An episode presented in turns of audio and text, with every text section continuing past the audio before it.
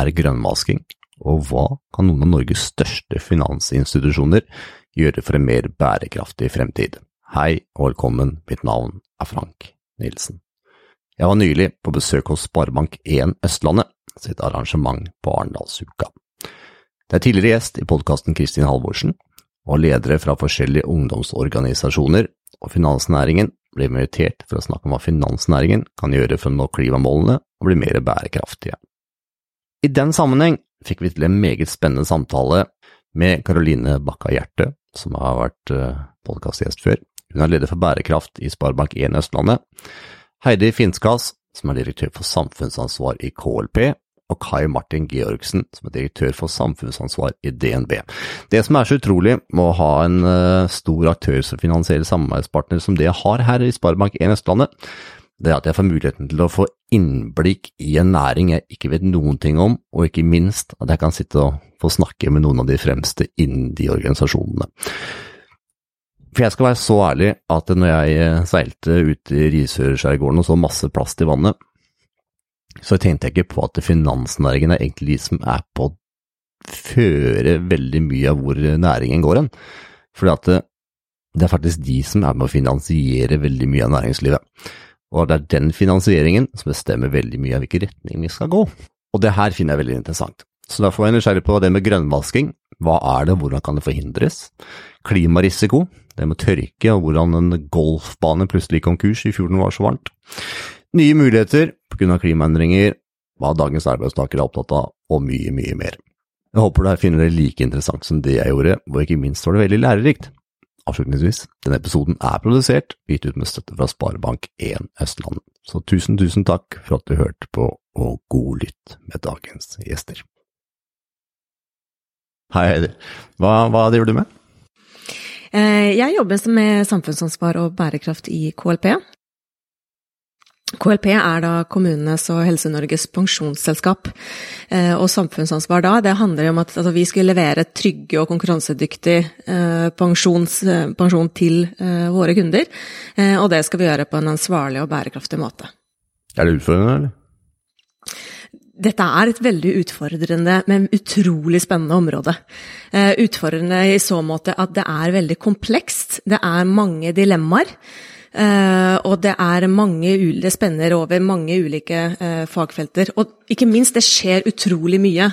Ikke minst på, på klima, som nå er høyt på agendaen hos, hos, mange. Det er bare ett eksempel på en veldig rask uh, utvikling på, på, fagområdet. Så ja, veldig komplekst, men utrolig spennende.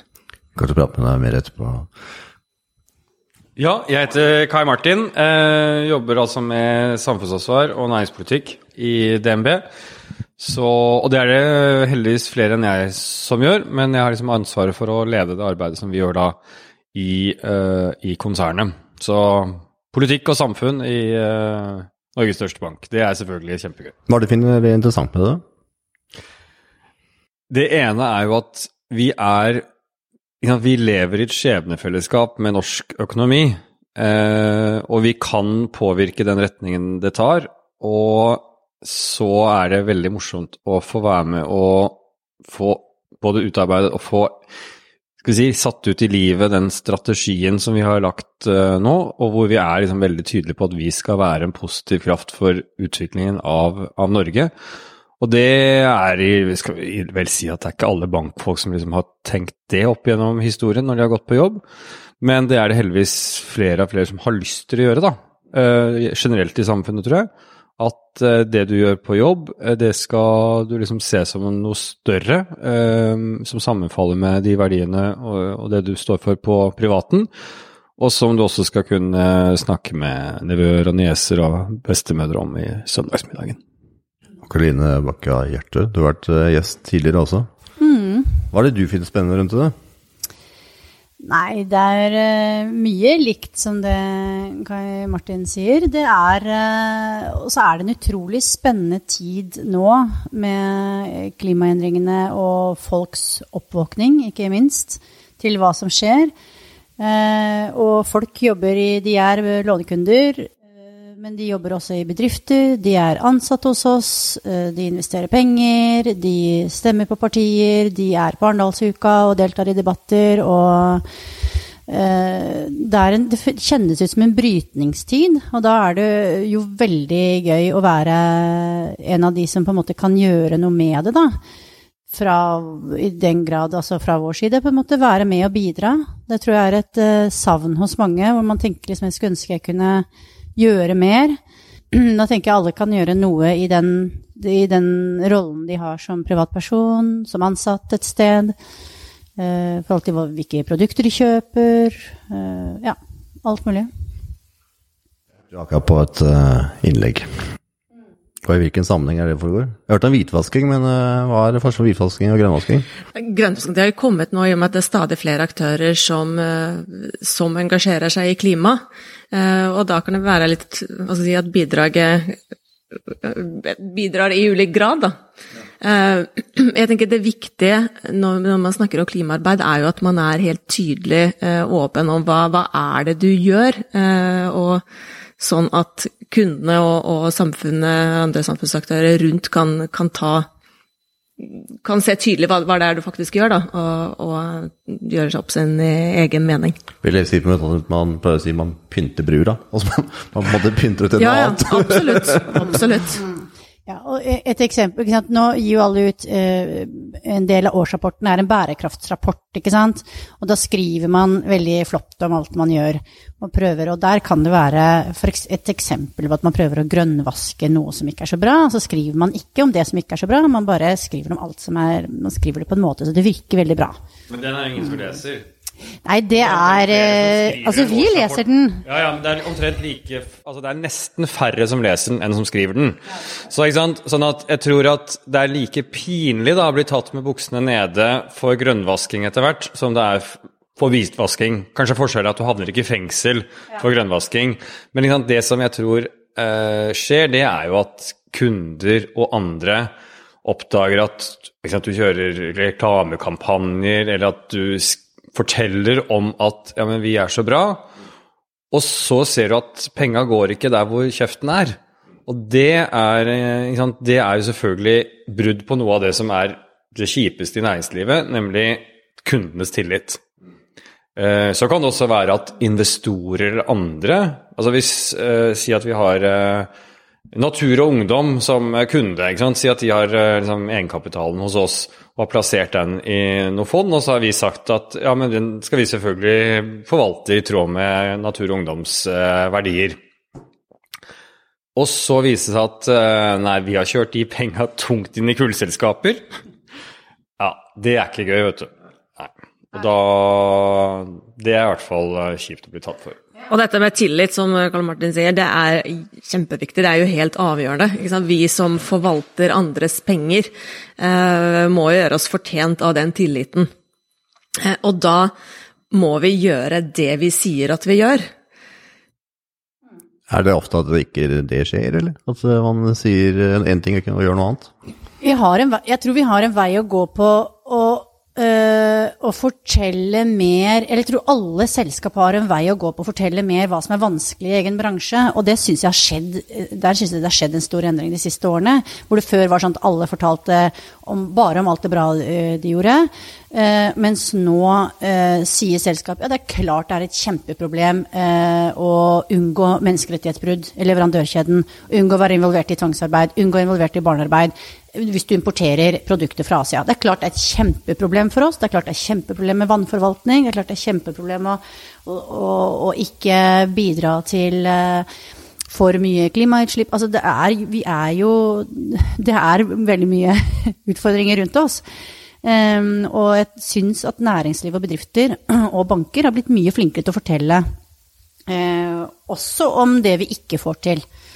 Jeg, jeg, jeg, vet ikke om, om, grønnvasking er et stort problem i finansnæringen, men det jeg kanskje heller tenker at er, er viktigst, er at ambisjonene mm. når, på klimaområdet, det må vi stadig øke. I, I, og med at dette er en formidabel utfordring vi har uh, fremfor oss. Det er helt fundamentale endringer som må til i de fleste sektorer. Uh, og finansnæringen er en, aktør, en, en, en, av næringene som er med og spiller en, en rolle her. Så det å øke ambisjonene Eh, på, på, klimas vegne, og hele tiden jobbe for at vi jobber bedre og forstår klimarisiko bedre, og på den måten er med i den eh, omstillingen til et lavutslippssamfunn. Så jeg vil heller jobbe for å Ja, det med å øke ambisjonene, det tenker jeg er, er avgjørende. Og så får vi håpe at det er færrest mulig aktører som driver med grønnvasking. Vi hørte også det ble nevnt noe om det med miljørisiko i forhold til at man skal låne ut penger. En bank skal låne ut penger. Så, hva tenker dere om det med miljørisiko, hva som kommer da? Nå ser man det er mye flom og det er varmt. og Man har jo miljøutfordringer framover. Ja, kjempestore utfordringer, og det med klimarisiko det handler jo om at når du som finansaktør da tar et valg, at du enten investerer, kjøper aksjer i et selskap, eller kjøper obligasjoner, eller gir et utlån, så gjør du en vurdering. Hva kan klimaendringene bety for dette selskapet, og inntjeningen til selskapet, eh, i, i fremtiden? Um, klimarisiko det består av mange ting. Uh, det består av fysisk risiko, f.eks. Dvs. Si hvordan påvirker vær og vind selskapet. Uh, driver du et forsikringsselskap, så blir det flere skader. Driver du innenfor jordbruk, uh, kan det bety noe for avlingen fremover, osv., osv. Eh, det handler jo også om markedsrisiko. Eh, Dvs. Si, vil kundene forvente noe annet? Eh, kommer det endringer i etterspørsel? Er det teknologiske endringer, dvs. Si din det du tilbyr blir utkonkurrert av en annen teknologi. Her vi fornybar energi, er jo et utmerket eksempel på det. Fornybarteknologier sånn som sol og vind, som har stupt i pris, så helt plutselig ble konkurransedyktige. Da sitter kullselskaper med en kjempestor teknologisk risiko. Eh, og så har vi politisk risiko, eh, eh, som betyr da kan det komme politiske endringer. Nye subsidier, endringer i skatte- og avgiftssystemer osv. som har påvirkning på forretningsmodellen eller inntjeningen. Så det, det er det det handler om alt dette innenfor eh, klimaspekteret, enten det gjelder de fysiske klimaendringene eller endringer i markedet, politikk, kan det ha noe å si for, for selskapet sitt forretningsmessige mål? Og så er det, ja, bare det er viktig å kanskje understreke at klimarisiko handler jo ikke bare om Det treffer ikke bare de selskapene som er liksom naturlig aktuelle for det som angår klima. Altså det handler ikke bare om olje og gass og, og slikt, for det er jo noe som treffer alle. Altså F.eks. i fjor sommer, da, eh, hvor det var veldig varmt, som kanskje vi husker, eh, så var jo eh, en av de som gikk konkurs, var altså en golfbane. For golfbanen bare tørker inn, og ingen som gidder å gå rundt der i 33 grader øh, og spille golf midt på sommeren. Mm.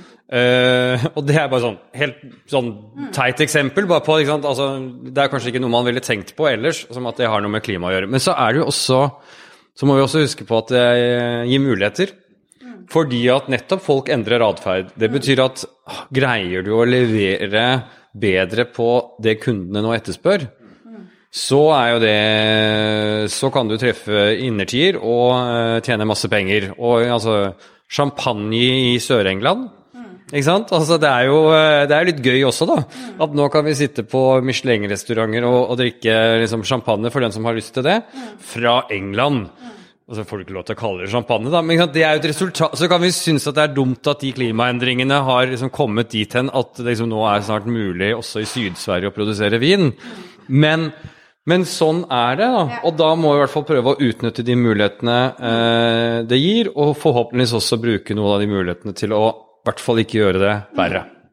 Vi som banker gjør en sånn vurdering i, nå i hver lånesak. For det er klart at hvis vi låner ut penger til noen som går konkurs eh, pga. klimaendringene, eller noen som opplever flom på flom på flom eh, i en bygning de har bygd, noen som har en, et produkt som ikke markedet vil ha, noen som opp, opp eh, ikke sant? så er det også finansiell risiko for oss. Da klarer ikke de å betale sitt lån. Eh, men på den andre siden, eh, hvilke Altså, vi har jo masse dialog med kunder, eh, selvfølgelig, når vi låner ut penger. Hvilke muligheter ligger det da for deg som bonde eh, når det blir varmere, når det blir våtere? Hvilke muligheter ligger det i forhold til å finne nye produkter for din bransje hvis du driver med varehandel? Eh, ikke sant? Så dette driver bankene med nå for tida. Skal vi bare ta ett eksempel? Altså, for det der med det blir kanskje litt sånn sært med, liksom, med champagne fra Sør-England, men, men altså bare sånn Jeg ser på meg selv, da. Eh, jeg syns det er veldig digg å være i Italia og Frankrike og sånt, eh, og på ferie. Mm. Men de siste årene så er jeg blitt mer skeptisk til å bestille liksom nå en uke eller ti dager midt i juli der nede. Eh, fordi at du risikerer å, å være der når det er 44 grader. Eh, og da vil jeg jo heller være liksom i Norge, og så er det 23 grader den ene dagen og 13 den andre, men ok, det er, Det er god norsk standard. Jo, men, jo, men ikke sant, altså, og det er ikke sant, for eksempel de har ferieleilighet i Spania, da. Eh, kanskje er det litt, sånn, litt mer risikabelt eh, fremover. Og det kan jo være kjempebra for norsk turisme. At det faktisk, Og så må vi passe på at den også selvfølgelig er bærekraftig. Men bare som ett eksempel på hvordan vi alle liksom tar det innover oss og endrer atferd, og markedet kan endre seg deretter. Og da er jeg veldig nysgjerrig i forhold til om man skal regne risiko. For hvis det ting er i så rask endring, og banknæring og pensjon og hva det måtte være, er veldig opptatt av det med risiko, hvordan kan man se hva som er en mulighet til hva er som er en fullstendig felle, da? Det er kjempevanskelig. Det er kjempevanskelig. Vi trenger eh, masse eh, kompetanse, samarbeid. Vi har jo vært her, eh, alle vi tre, og veldig mange andre fra våre banker nå en uke nesten i Arendalsuka, og prata og prata og prata og prata med sivilsamfunn, med forskere, med Ikke sant? Og vi trenger kunnskap hele tiden, en ny oppdatert kunnskap hele tiden, om hver enkelt bransje, hver enkelt uh, type kunde, hver enkelt, ikke sant, for å finne ut hva er hvor er det risiko? Hvor eh, beveger markedet seg? Vi kommer til å gjøre masse feil. Vi kommer til å låne ut penger, store beløp, til produkter som går av moten neste dag. Se, se på palmeolje, som fra én dag til neste så satt det norsk, eh, norsk dagligvarebransje med lager av palmeolje som ingen kunder ville ha. Eh? Det var en, en risiko, klimarisiko som ingen så komme. Vi kommer til å ta masse feil beslutninger, men vi, eh, vårt eh, ansvar og ønske er jo å prøve å være å se disse endringene komme, og så være på en måte gjennom også å flytte penger, så kan vi også skape denne endringen. Da. Så dette er jo en sånn selvforsterkende effekt òg. Mm. Og så er det viktig at, ikke, at vi ikke føler oss handlingslammet heller. Det viktige her er jo bevisstheten, at uh, man faktisk ser på hva klima kan bety. At man da fatter beslutninger på den kunnskap som foreligger i dag, og prøver så godt man kan se langsiktig og, og ta hensyn til det kunnskapsgrunnlag som, som er der ute. Um, men så, vi, så vi får ikke føle oss handlingslammet eh, heller. Men selvfølgelig og det, det, er det vanskelig. Og selvfølgelig er det mange dilemmaer. Altså, vindkraft er jo bare ett uh, av de eksemplene. Vi vet at vi trenger en uh, kjempestor økning i, i, fornybar energi. Vi må legge om hele energisystemet vårt. Vi må fase ut fossil energi. Eh, hvordan gjør vi det? Hva, hvilke fornybarkilder er de beste? Hva er alternativene? Eh, og da med landbasert vindkraft versus eh, havbasert vindkraft, f.eks. Men sannsynligvis er det sånn at vi trenger begge deler. Vi trenger så mye av det. Dette er ikke en diskusjon om enten-eller, vi trenger en, en kombinasjon. I tillegg til å spare energi. I tillegg, ja. Ikke minst energieffektivisering er helt avgjørende. For det vi må huske på at dette her handler jo om at vi må innen 2030 Dvs. Si vi er elleve år på oss eh, å halvere klimagassutslippene. Skal vi ha sjanse til å nå Er det dårlig tid, da? Skal vi være null Ja, utslipp? Vi skal være et nullutslippssamfunn i 2050. Det er ikke så lenge til. Altså, de fleste av oss er eh, fortsatt i live, forhåpentligvis. Vi hører ofte med falske klimaløsninger. Hvis vi nå har elleve år på oss, da, da det brenner litt da. Hvordan skal vi klare å styre unna de falske klimaløsningene? For dere som er en bank. Det er litt, litt som det jeg sa i stad. Litt av vårt ansvar er jo nettopp å finne ut hva som funker og ikke funker. Og, og for å finne ut det, så må vi snakke med bransjen selv, og vi må snakke med forskere, og vi må være tett på eh, sivilsamfunn, ikke sant, miljøvernorganisasjoner osv. osv. Det er ikke så veldig mange jeg har møtt eh, som er lånekunder hos oss, som liksom bevisst prøver å lure og, og, og skape kla, eh, falske klimaløsninger. Men vil ikke det dukke opp, da? For å lure noen, liksom. For jeg tenker når man er eh, Alle mennesker, vi har jo som fra natur- fra naturens side, vi vil jo overleve. Så har man en bedrift, man har mange ansatte, og man kanskje ikke er i den bærekraftige sektoren, så vil man gjerne pynte, best mulig for å klare å få bedriften til å gå videre. Da. Man vil jo ikke legge ned. Så jeg tenker at det vil jo komme mange falske klimaløsninger anførselstegn, som for bedriften skal overleve. Da. da vil da det dukke opp. Så hvis vi er elleve år og ting skal gå fort, så vil det være en utfordring som går mer og mer, eller? Men vi har jo heldigvis mange som passer på, da. Ikke sant? Er, vi blir kikka i kortene, og norsk næringsliv er ganske sånn transparent. Eh, så det er jo, er ikke sånn at du, du, opererer i et vakuum. Eh, noen vil kikke deg i kortene, og ungdom eh, Vi jo, kom jo akkurat fra en debatt, som du sa, og da sier jo Naturvernforbundet og, og Natur og Ungdom at ungdom fremover kommer til å sjekke mye mer bak produkter de kjøper enn det kanskje vår generasjon har gjort. ikke sant? Og spørre og spørre og spørre igjen. Hva er, hva, er dette virkelig bærekraftig, dette produktet? Så Ja, nei, og jeg tenker alt som gjøres må jo være faktabasert, må være basert på vitenskapelig kunnskap som vi har. Um, så jeg tenker der har alle aktører, altså både oss som privatpersoner og, og i den rolle man har på sine arbeidsplasser hvor det, hvor det måtte være, har et ansvar for å, for å være saklige eh, og basere seg på, på vitenskapelig informasjon. Altså det du kan gjøre som kunde, eller for det første som privatperson, hva er det du kan gjøre? Ehm, du har en bank. Eh, du kan spørre banken din eh, hvordan jobber dere med klima? Eh, hvordan har dere investert, hva er det dere gjør mer av, hva dere gjør mindre av? Hvordan tenker dere rundt disse spørsmålene? Det er en e-post du kan sende til kundekontakten din. Eh, f.eks. Du kan også gå inn på hjemmesider, sjekke hva, de, hva det er av retningslinjer de har, hvordan jobber de. Forhåpentligvis er de også helt åpne og transparente på hvordan de investerer, hvis du virkelig går, vil gå ned i, i detalj. Ja, jeg tenker vi snakker, eller vi hørte på noen fra AUF, fra Naturvernforbundet osv. Mm. og de vil jo gjerne vite hva er det de investerer pengene sine i. Bl.a. hvordan kan de investere i grønt fond. Og du sa i stad at uh, vi kan jo ikke låne penger hvor som helst, vi blir jo sjekka i korta. Og da er jeg litt nysgjerrig på hvordan jeg som forbruker vet hva du som bank låner penger til.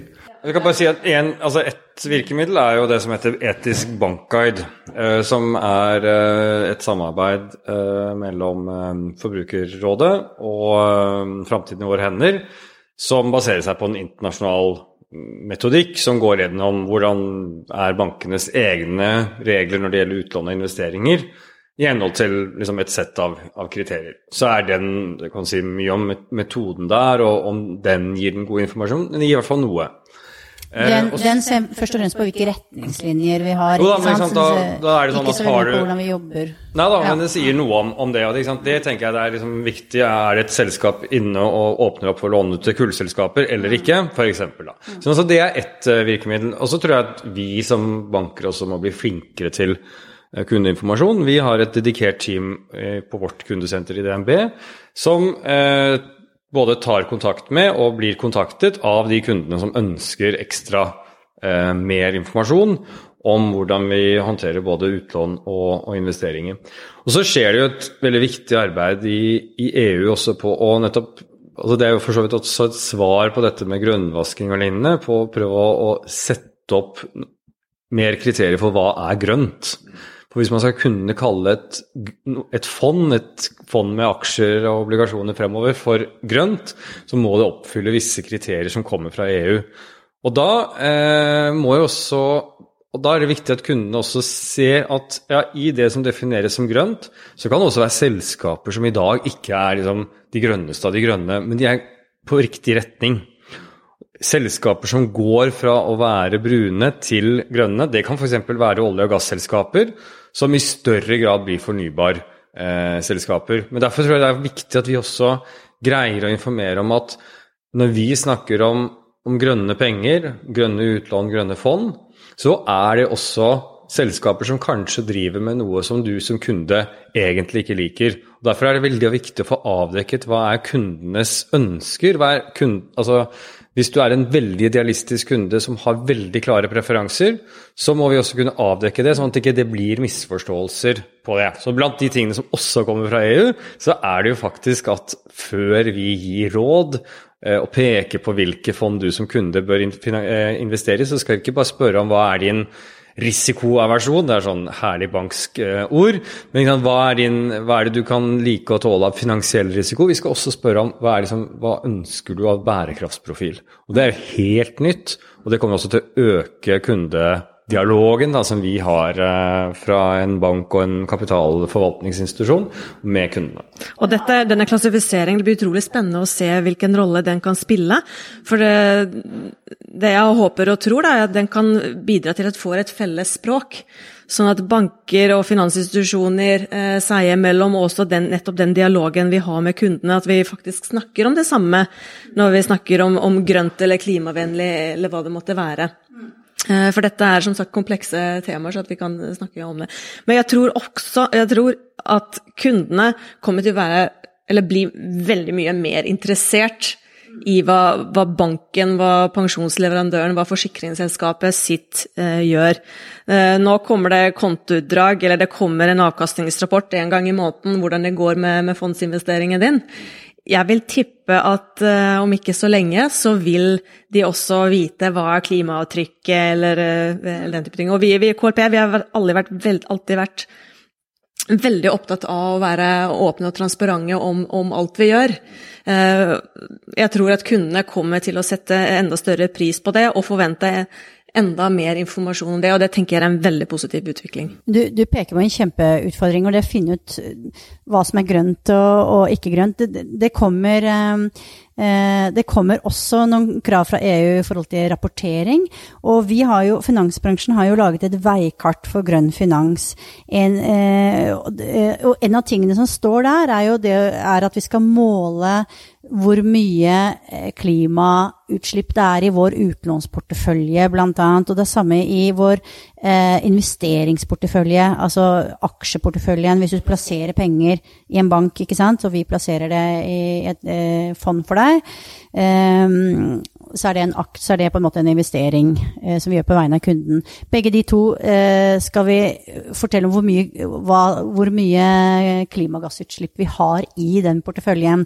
Men det er kjempevanskelig i dag for eller er altfor vanskelig i dag, for forbruker å få riktig informasjon om eh, hvordan et selskap egentlig gjør det. Og det, er, eh, det gjelder både oss eh, banker, hvis du som bankkunde skal sjekke. For man kan gå inn og se på hjemmesiden. Jeg anbefaler, som, som de andre sier, å sende mail og spørre, spørre, oss. Men det gjelder jo også for oss når vi skal finne ut hvor bærekraftig et selskap er. Enten når vi skal låne ut penger, eller når vi skal plassere, tilby et fond. Eh, så det, det, feltet der kommer, å, det, der kommer det til å skje veldig mye. Og jeg anbefaler alle, anbefaler alle, forbrukere til å pushe på. Så jeg vil ha mer informasjon. Jeg, vil, jeg, skjønner ikke informasjonen. Veldig mye informasjon er vanskelig å forstå. Jeg skjønner ikke hva dere mener med dette her. Eh, forklar bedre. Ja, for det jeg finner interessant med, da, og spesielt å snakke med dere, at det er ofte med bærekraft og miljø er jo ofte det fullstendig motsatte av å drive med bank. sånn tenker iallfall jeg fra før. At man er litt sånn kynisk og skal tjene penger. For det er sånn det er å tjene penger. Og så kommer liksom miljø helt i andre enden. Det virker jo som at miljø er satt veldig på dagsfokus hos alle banker. da. Og så gjelder det ikke bare miljø, da. ikke sant? Altså når vi snakker om vårt samfunnsansvar i DNB, så mener vi at sant, vi skal bidra på, på, de viktige områdene for samfunnet, og hvor vi også har mest mulighet for å, for å påvirke. Eh, så derfor, sant, i vår strategi for samfunnsansvar, så er klima det er én del uh, av, uh, av, det. men vi har jo også satt oss noen tydelige ambisjoner på, på likestilling. Uh, og jeg tror jo at det er en sammenheng mellom de selskapene som lykkes med likestilling og mangfold, og de som også lykkes på andre bærekraftsområder. For det handler om kultur, det handler om, om ledelse. Så vi, når vi også nå uh, vi, vi, har nå også laget uh, et, et dokument som den første eh, kapitalforvalteren i, eh, i, Norden, tror jeg, som sier noe om våre forventninger på likestilling og mangfold til selskaper som vi skal investere i. Det er en ganske svær utfordring globalt, men vi tror jo også at ah, åpner du opp for litt flere enn de eh, for menn på, på, 50 og 60, så skjer det også noe med, med selskapet ellers. Og vi som, som banker kan også f.eks. ta en rolle i å lære eh, ungdom og andre grupper om personlig økonomi, f.eks. Inkludert også da bærekraft. Vi kan ikke bare sitte på vår tue og så tenke at uh, folk må bare komme til oss. Vi må også gå ut og, og, jobbe mer aktivt og prøve å spille en rolle på samfunnsutvikling der vi kan. Og igjen, da. De selskapene som tar på seg de lange brillene, og som jobber integrert med bærekraft, det er også de mest lønnsomme. Fordi at de greier å tiltrekke seg de beste folka, og så har de også ledere som, som sier at ja, men det er greit at du kommer på jobb og gjør feil, for da lykkes du også. Jeg tenker heller ikke at det er en motsetning. Det er litt synd at det ofte settes opp som en motsetning. Det er ikke det. Eh, og ja, selvfølgelig, oppdraget vårt er jo å skape den beste mulige avkastningen. Men vi har ikke lyst til å gjøre, det, å gjøre det på hvilken som helst måte. Vi har lyst til å gjøre det på en ordentlig og god måte. Eh, og det mener vi absolutt er mulig. I tillegg til at disse bærekraftselementene da kommer det enten som et risikoperspektiv, eller eh, de mulighetene som vi også snakker om.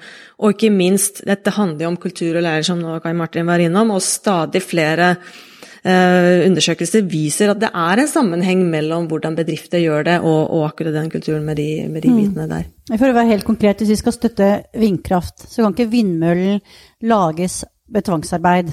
Ikke sant? Det, det, er også dårlig, både for prosjektet og for oss. Hvis vi skal støtte ny, en ny norsk eh, gründer som kommer med et nytt kult produkt i Norge som er bærekraftig, så kan det ikke være en gjeng som jobber eh, Kan ikke drive med sosial dumping? Ikke sant? Kjell, du må se på en måte disse ulike bærekraftsmålene eller bærekraftshensynene opp mot hverandre. Eh, og det kan liksom virke som det er mye som, som bank skal ta inn, men man må tenke på også det som vi var litt inne på i stad i forhold til risiko. At for oss så er det risiko. Vi vil ikke være involvert i det. Både det er, det er, det er dumt i forhold til hvem vi ønsker å være, hvem, hvordan vi ønsker å fremstå for de ansatte og for kundene våre. Og så dette med finansiell risiko. Så vi, vi ser liksom på alle disse elementene i sammenheng. Så, samme med økonomisk kriminalitet, som du har prata om tidligere i podkasten.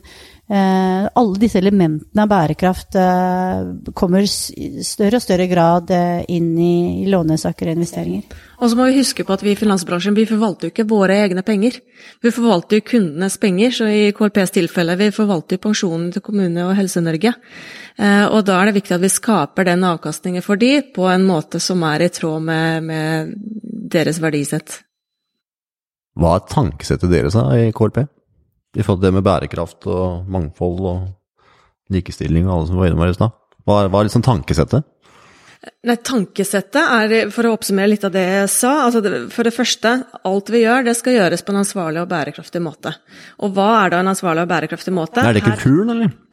Om det er i kulturen? Ja, definitivt. Eh, det er en helt sånn grunnleggende måte altså Både kultur, altså stolthet, det er sånn vi skal jobbe. Eh, det opplever jeg er helt reelt. Og vi har også f.eks. en konsernsjef, og det viser også litt sånn hvor viktig det er med tonen fra, fra toppen. Det opplever Karoline og Kai Martin helt sikkert også. Eh, I vårt tilfelle hvor vi en konsernsjef som er brennende opptatt eh, av dette. Men det, altså dette, og hva er, hva, er, hva er, bærekraft? Der tenker jeg at FNs bærekraftsmål det er et veldig fint rammeverk og på en måte en litt sånn felles definisjon for hva som er bærekraft. Der har vi da 17 mål som verdenssamfunnet har gått sammen om. Dette skal vi nå innen 2030 for å få en bærekraftig utvikling. Så det tenker jeg, det er noe som vi prøver hele tiden for få våre, våre forretningsmål og vår, vårt arbeid eh, på linje med bærekraftsmålene. Jeg, bare, jeg, tror også at det er noe som er liksom genuint bra med hvordan nå sitter du liksom med si, litt odde norske banker og finansinstitusjoner her, men som egentlig reflekterer sånn sett den bredden og det mangfoldet som er i norsk finansnæring. Og jeg tror det er liksom viktig å skjønne at i Norge så er eh, den største delen av, eh, den, av, de som driver og låner ut og forvalter penger, det er selskaper som lever i et skjebnefellesskap med det lokalsamfunnet og det landet som de er en del av. Vi er Norges største bank, og vi vet at går det dårlig i Norge, enten om det er liksom økonomien akkurat i morgen eller samfunnet om 10-20 år, så går det dårlig også for oss. Lokale sparebanker, som alltid har vært en drivkraft for sysselsetting, for arbeidsplasser, for liksom innovasjon over hele landet. Og eh, selskaper som liksom er tett på norsk offentlig sektor, som er liksom en bærebjelke i hele den norske eh, modellen, sånn som bl.a. Eh, KLP. Vi sitter jo ikke i Tokyo eller i City of London eller i, i New York og bare ser at ja, nei, nå er det noe skurr på det der i Excel-arket på, på, Norge, så nå, nå, dropper vi det. Så, ja, så bare drar vi liksom der, og så får det gå som det gjør med Norge.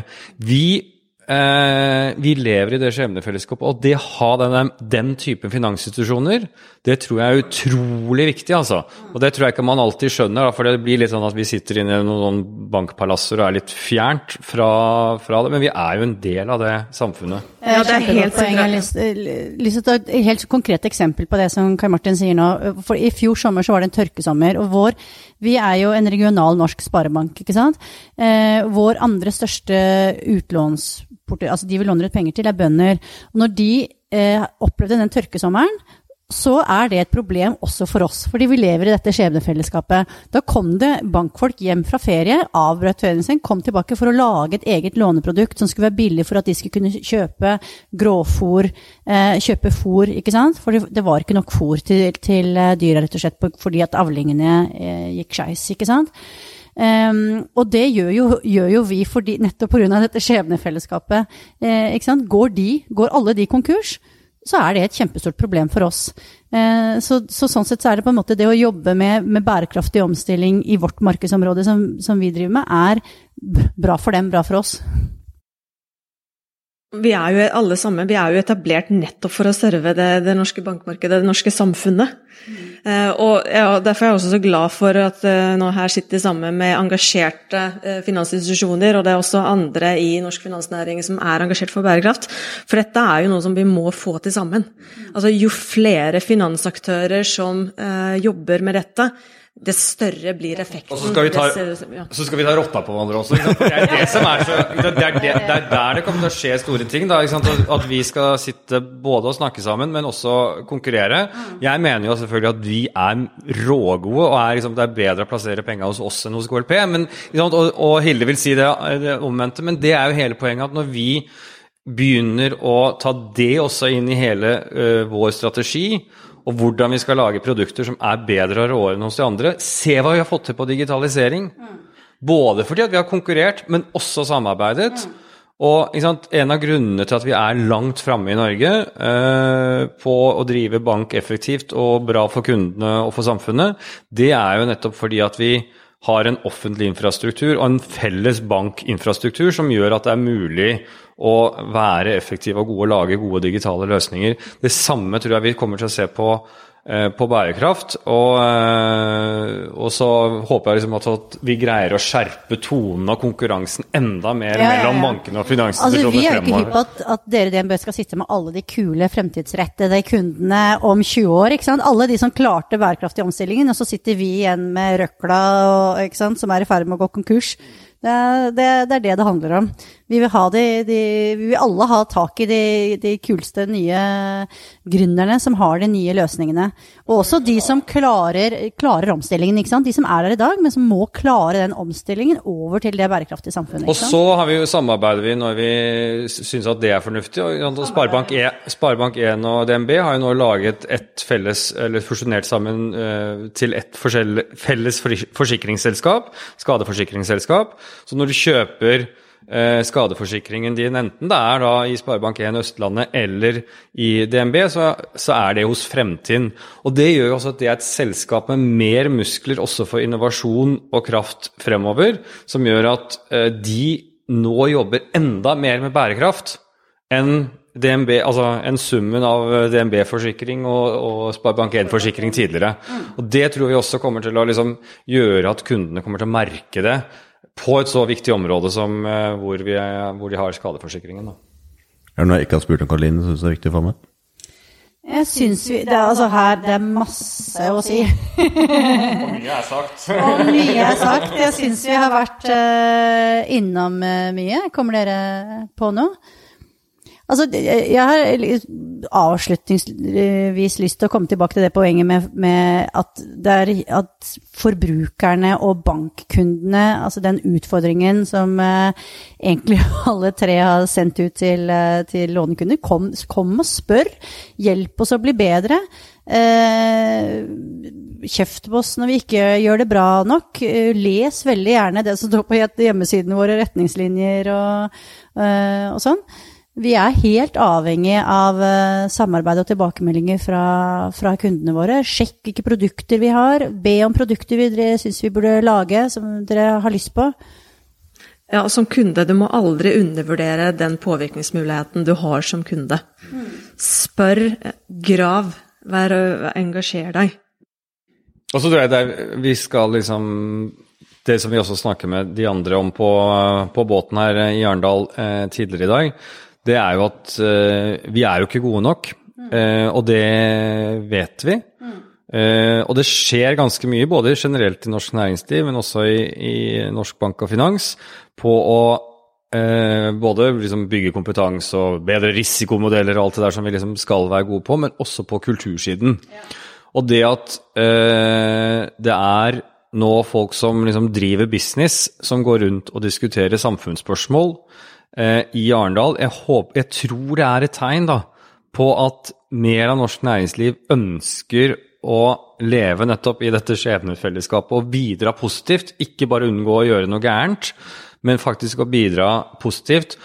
Og eh, hvis vi greier også å lykkes med å tiltrekke oss de riktige og viktige folka, som også kommer inn og utfordrer internt og stiller spørsmålstegn ved det vi driver med, så tror jeg også det skjer sånn, det viktige kulturelle skiftet. da. For det er liksom det verste, spesielt i bank, hvor vi kanskje har rekruttert veldig tradisjonelt. Men nå er halvparten av de som vi ansetter i DNB, de har en teknologibakgrunn. Og mange av de som jeg nå treffer eh, av de nyansatte Jeg treffer liksom hvert år de, de nyansatte i DNB. Og eh, de snakker jo om bærekraft og forventninger og ønsker på det på en helt annen måte enn enn- for Ja, ti det. år siden. Veldig enig i det. Det merker jeg også ansatte samme hos oss. Jeg møter også mange av de, de nyansatte. Og det er mange som trekker frem akkurat det der at vi har satt, eh, i KLP har satt samfunnsansvar så høyt på agendaen. At det er noe som de syns er attraktivt og har vært med i, i valget av arbeidsgiver. Ja, De tenker jo ikke at, er, at bærekraft er noe som Kai Martin og, og den gjengen der jobber med. De tenker at det er noe de selv driver med på jobben. Fordi at det er en naturlig del av det å utvikle en ny mobilbank eller å utvikle nye finansprodukter. Så jeg har jo liksom bare mitt svare strev med å prøve altså, jeg, Hvis jeg skulle prøve å holde oversikt over det DNB driver med på bærekraft, så da hadde vi gjort for lite, da. Og det er i hvert fall gøy å se at vi ikke er der. Tusen takk for tida til alle sammen. Jeg synes det var veldig interessant, og ikke minst jeg fikk jo avklart hva grønnmasking var for noe. Tusen takk for alle sammen.